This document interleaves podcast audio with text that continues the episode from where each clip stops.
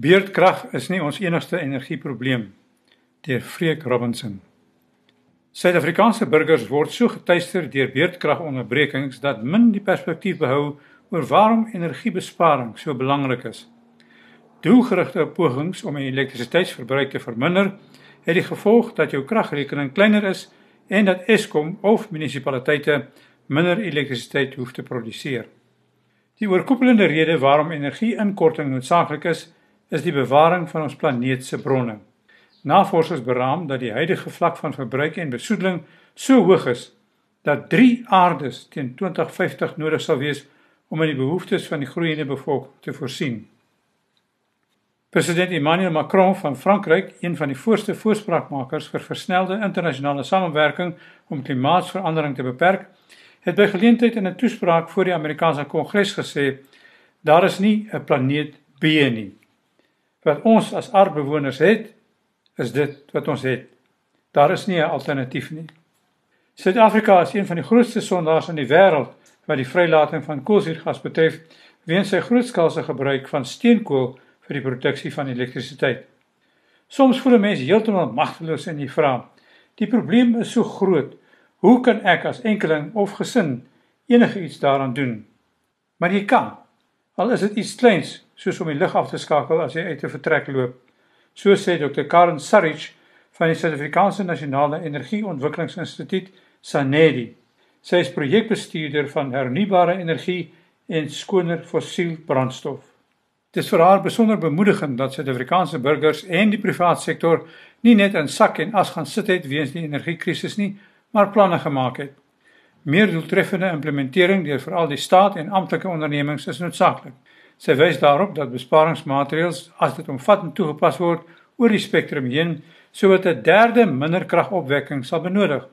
Teoreties kom dit daarop neer dat sulke besparings genoeg sal wees om beerdkrag op te hef. Dit verg nie groot ingrypings nie, net maar 'n aanpassing van denkwyse wat lei tot aanpassing van gebruike en gewoontes en dan van optrede. Soos daardie eenvoudige aksie om 'n lig af te skakel as jy dit nie meer nodig het nie. Sommige as 'n eie proefneming het ek nou die aand nadat ek donker by die huis gekom het, sover ek gaan ligte afgeskakel. In vyf vertrekke was daar geen siel nie, maar die ligte het gebrand.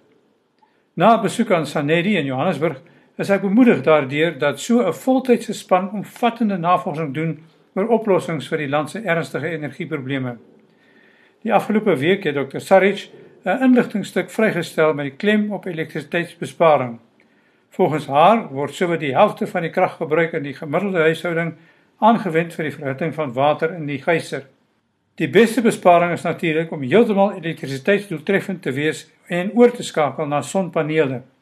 Maar die meeste huishoudings kan dit nie bekostig nie. Dan is 'n relatief goedkoper alternatief die gebruik van gas vir die geyser, stoof ketel en verwarming. Verder kan elektrisiteit bespaar word deur insolasie in die dakruimte. Alle gloeilampe kan vervang word met energiedoeltreffende LED gloeilampe. So kan by die 20% van die elektrisiteitsverbruik bespaar word. Selfs die afskakel van bystand liggies van die TV-stel, rekenaar, selfone en ander toestelle kan 'n verskil maak. Die tegnologie van batterykragstoorders en inverters het heelwat verbeter en is in verskillende groottes beskikbaar. Dit kan in die dag gelaai word met Eskom se krag en in die aand die huishouding se basiese krag voorsien. Ek was al in huis van 'n ingenieur wat sonpanele op sy huis se dak aangebring het. Dit gee krag deur die loop van die dag en laai 'n groot battery. Saans skakel hy net oor na die battery vir die hele huis se kragbehoeftes, behalwe die oond. So gebruik hy skoon energie plek van die vuil energie van 'n diesel of petrolopwekker en die aaklige geraas van die masjien. Interessante navorsing waarmee Sanedi nou besig is, is om die doeltreffende kraggebruik van huishoudelike toestelle te ondersoek. Dis veral ouer toestelle wat nie voldoen aan vandag se spaarvereistes nie. Dr. Sarich is ook benarskik met maatskappye se vinnige reaksie om self elektrisiteit op te wek, veral sonkrag wat dan weer aan ander verkoop kan word en ingevoer word in die land se kragnetwerk. Sy meen genoeg krag word al deur die private sektor opgewek en dat twee beerdkragsessies per dag afgestel kan word. Maar die gewone burger kry nog nie die volle voordeel daarvan nie hoofsaaklik weens politici se geskille.